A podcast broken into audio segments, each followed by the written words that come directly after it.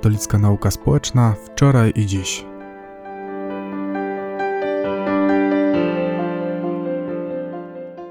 Z toruńskiego oddziału Radia Civitas Christiana witają Państwa bardzo serdecznie. Szymon Szczęsny i Piotr Hoffman. Zgodnie z obietnicą daną Państwu w poprzedniej audycji, chcielibyśmy przejść do omówienia najważniejszych ośmiu encyklik papieskich dotyczących katolickiej nauki społecznej. Pierwsza, o której wspominaliśmy, to chyba najsłynniejsza encyklika Rerum Novarum Leona XIII. Jednak zanim przejdziemy do treści samego dokumentu i tego, czemu był tak ważny, może mógłby Pan przybliżyć sylwetkę Ojca Świętego Leona XIII. Papież Leon XIII, gdy wstępował na tron Piotrowy, miał już 68 lat. I chyba nikt się nie spodziewał, że ten wiekowy już człowiek, papież, e, wniesie tyle zmian w życie Kościoła, że będzie niezwykle płodnym, e, jeżeli chodzi o wydawanie dokumentów papieżem. Leon XIII urodził się 2 marca 1810 roku w ubogiej rodzinie. Miał sześcioro jeszcze rodzeństwa. E, dosyć szybko stracił e, rodziców i później też wstąpił w stan duchowny, gdzie dostrzeżono jego zaangażowanie, jego wiarę i wspinał się po szczeblach kariery duchownej i aż do momentu, kiedy wysokie kolegium kardynalskie poprosiło go, aby zasiadł na tronie Piotrowym. Pontyfikat Leona XIII trwał 25 lat, a więc bardzo długo. I umierał mając 93 lata, a więc też już był człowiekiem e, niezwykle sędziwym. Ale był to papież, który przywrócił Kościołowi w trudnych czasach przemian, rewolucji przemysłowych, zmiany sytuacji społecznej, status wyraziciela takich najwyższych wartości moralnych w świecie. Musimy także pamiętać, że papież Leon XIII nazywany był e, między innymi papieżem reformatorem. I kilka takich przykładów. To właśnie papież Leon XIII otworzył do tej pory zamknięte szczelnie archiwa Watykanu. To właśnie papież Leon XIII niezwykle interesował się różnymi dziedzinami wiedzy, zachęcał do rozwoju nauki, kultury. To on właśnie na nowo chciał powiązać e, kulturę z wiarą. To, co inaczej było postrzegane w, w okresie oświecenia, to na nowo spojrzał na kulturę poprzez pryzmat wiary. I to były też takie działania w trudnym momencie, kiedy papież był więźniem Watykanu, ale podejmował niezwykle ważne reformy. Wspomniał Pan o kwestiach politycznych. Jesteśmy w okresie, kiedy papież jest pozbawiony swojego państwa jako więzień Watykanu, państwo kościelne nie istnieje. Sytuacja na arenie europejskiej jest dosyć zagmatwana.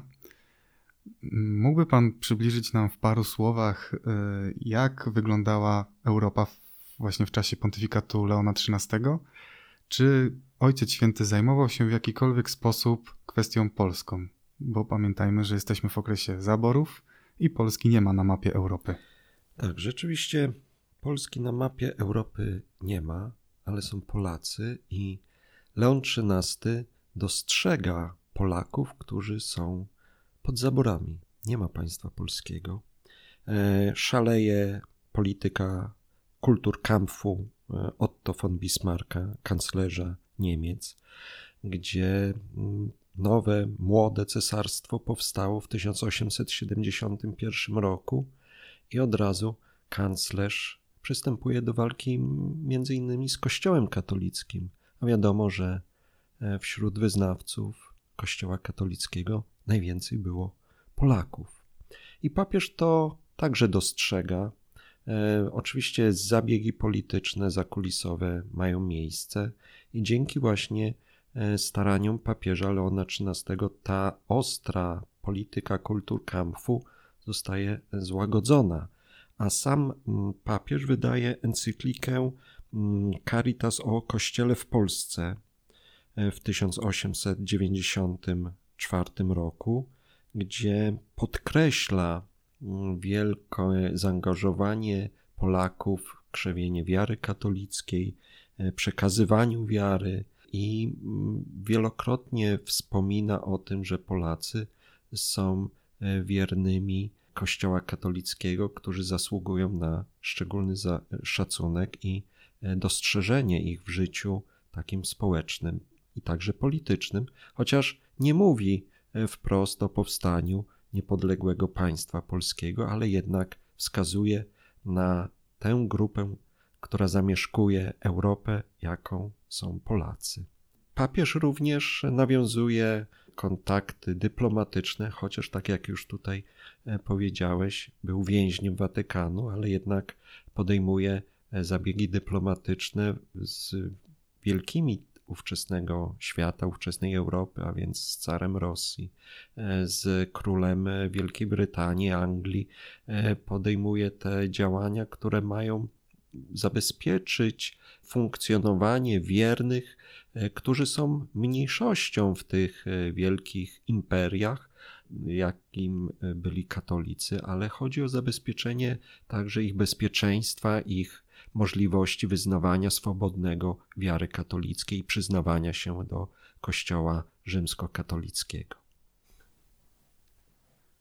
XIX wiek, o którym opowiadamy, to okres wielkich przemian społecznych a na świecie trwa rewolucja przemysłowa. Czy to właśnie ona była przyczyną podjęcia przez papieża kwestii społecznych? Tak, tak można to określić, bo w wieku XIX problemy społeczne mm, nabrzmiały do niespotykanych dotąd rozmiarów. Można powiedzieć, że druga połowa XIX wieku to takie bardzo gwałtowne przemiany gospodarcze, ekonomiczne, społeczne, i tak jak tutaj już to powiedziałeś, one zostały w historiografii nazwane rewolucją przemysłową. Właśnie ta rewolucja przyniosła znaczny wzrost liczby robotników w miastach, a wynikało to e, z ilości budowanych fabryk, oczywiście z migracji ludności ze wsi do ośrodków miejskich.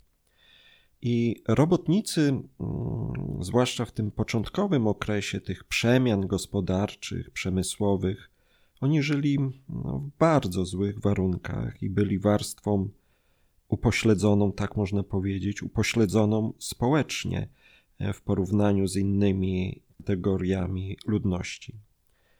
E, w tamtym czasie na porządku dziennym było liczne e, zatrudnianie kobiet, dzieci, oczywiście z bardzo niską płacą.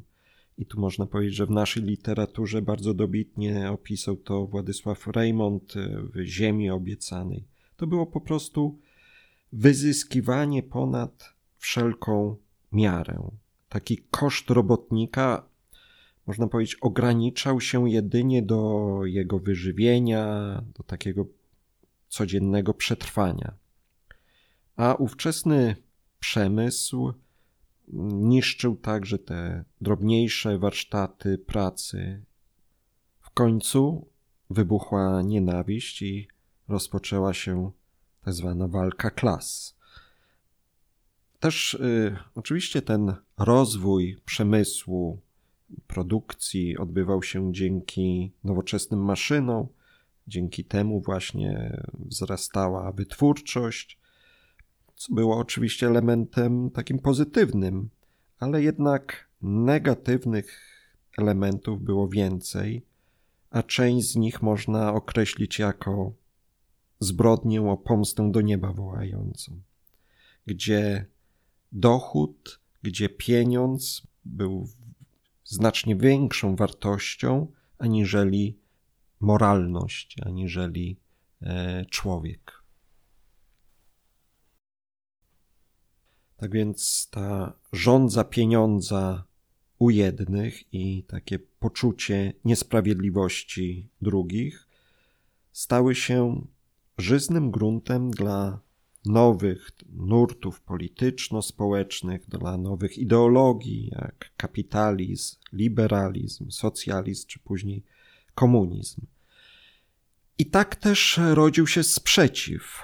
Poza tym społeczność, która migrowała do miast, była wyrwana ze swego środowiska, od swoich korzeni, była niejednokrotnie zagubiona, można powiedzieć nawet zatomizowana i niejednokrotnie pozbawiona także opieki duszpasterskiej i dzięki właśnie takim sytuacjom łatwo wpadała w nurt nowych ideologii. A jedną z nich było powstanie doktryn właśnie socjalistycznych, wskazujących na konieczność takiej zmiany indywidualistycznego ustroju ekonomicznego na ustrój wspólny, który miał stworzyć takie społeczeństwo bezklasowe, e, które użytkowało wspólną własność, likwidowało własność prywatną, czy nawet likwidowało takie zamierzenia, też były likwido, likwidacji państwa, czy nawet rodziny. Nowi ideolodzy, tak jak ci socjaliści, różnili się tylko tym, czy te zmiany mają nastąpić na drodze rewolucji, czy też ewolucji. Wspomniał pan, że głównym powodem walki klas była własność prywatna. A jak na tą kwestię patrzył papież Leon XIII? Papież uważał, że brak własności prywatnej sprzeciwia się takiemu prawu natury, bo człowiek dzięki rozumowi wie, że na przyszłość musi się zabezpieczyć i to było w tamtych czasach i dzisiaj również. Mm, papież także uważał, że brak własności prywatnej sprzeciwia się dobru rodziny i nie ma tu miejsca na żadne jakieś zasad, zastosowanie zasady pomocniczości.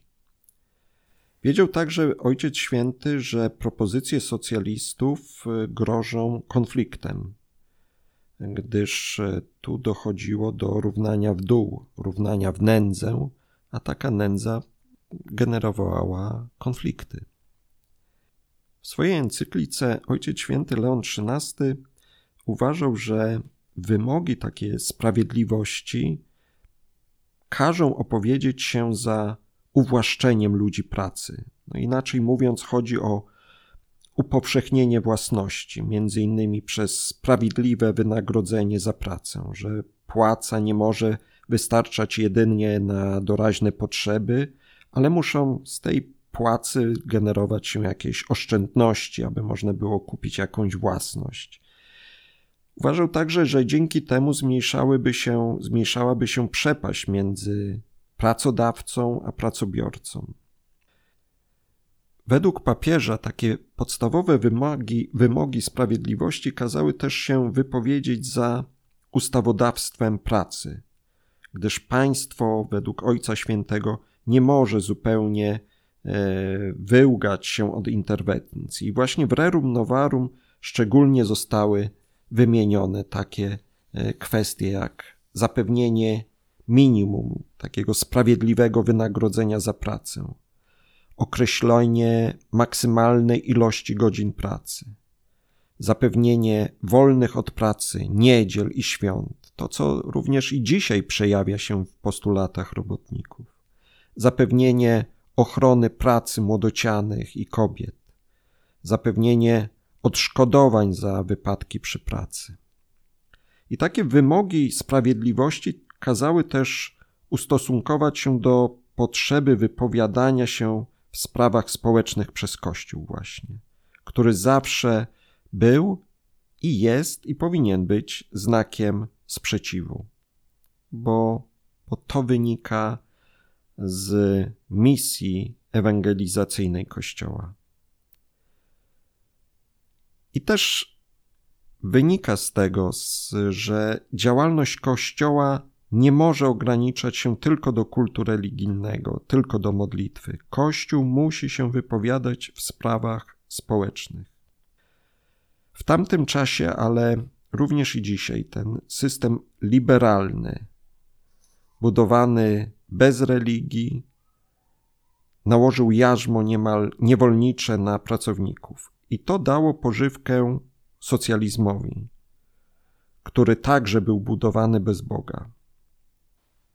Papież Leon XIII nie mógł podzielić ani obojętności, jaką liberalizm i kapitalizm okazywali najuboższym, najsłabszym, ani też socjalistycznej wizji walki klas, która niosła ze sobą przemoc i zniszczenie. I encyklika Rerum Novarum wskazuje drogę właściwych reform, które e, przywróciłyby pracy jej godność, wolnej działalności człowieka. I może na koniec takie dwa cytaty z encykliki Rerum Novarum. Z pomiędzy wszystkich jednak obowiązków pracodawcy, najważniejszy jest ten, żeby każdemu oddać to, co mu się słusznie należy. Z pewnością wiele trzeba wziąć pod uwagę względów, żeby ustalić słuszną płacę. Na ogół jednak powinien bogaty i pracodawca pamiętać, że przy ustaleniu płacy ani boskie, ani ludzkie prawa nie pozwalają korzystać z biedy i nędzy cudzej, ani też w ogóle wyzyskiwać cudzego ubóstwa.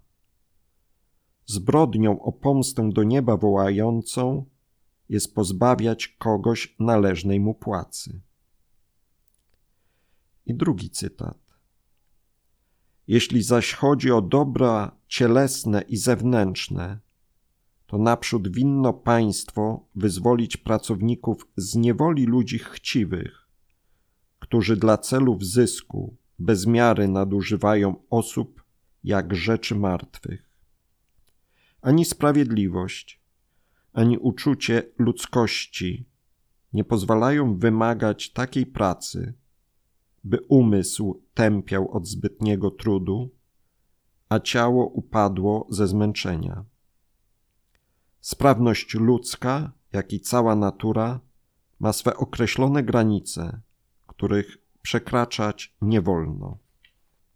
Słuchając tych słów i mając przed oczami sceny ze wspomnianego przez pana filmu Ziemia obiecana, słowa te musiały na pewno wywołać wielki szok i konsternację, szczególnie wśród przemysłowców czy wielkich posiadaczy ziemskich. Ta encyklika była rzeczywiście sensacją, która nie zawsze była dobrze rozumiana w tamtym okresie, dzisiaj jest zupełnie inaczej. A papież w Rerum Novarum pokazał zupełnie inną drogę w tamtym okresie. Pokazał, iż potrzebny jest między innymi interwencjonizm państwowy w kwestiach społecznych, ekonomicznych, gospodarczych i poszanowanie godności człowieka. Człowieka, który pracuje i praca jest mu koniecznie potrzebna, ale powinna być dobrze wynagradzana i dobrze postrzegana, że człowiek jest tą wartością najwyższą. Z dzisiejszej perspektywy możemy powiedzieć, że gdyby ta encyklika była wprowadzona w życie, gdyby posłuchano to, co napisał Ojciec Święty, to nie mielibyśmy rewolucji październikowej i nie mielibyśmy tego nieszczęścia, jaki niósł ze sobą komunizm, ale jednocześnie mielibyśmy inne spojrzenie na pracę człowieka, gdzie doceniono by właśnie człowieka jako wartość najwyższą. W słowach, które zapisał Ojciec Święty, jasno wynika, że Kościół ma do zaoferowania to, co człowiek potrzebuje najmocniej. A w encyklice Rerum Novarum właśnie Leon XIII zdecydowanie wypowiedział się za sprawiedliwością i miłością. Panie Piotrze, bardzo panu dziękuję za przybliżenie aspektów dotyczących papieskich encyklik zawierających w sobie treści nauki społecznej Kościoła, a konkretnie encyklikę Leona XIII Rerum Novarum. Mam nadzieję, że tą audycją zachęciliśmy Państwa do wysłuchania kolejnych z tego cyklu, na który już serdecznie zapraszamy i dziękujemy. Również bardzo dziękuję i do usłyszenia w następnym odcinku. Jeżeli kogoś zainteresowała tematyka encykliki Rerum Novarum, to polecamy również nagranie naszych kolegów z Wrocławia, Piotra Sutowicza i Łukasza Burzyńskiego. Nagranie jest dostępne na platformie SoundCloud.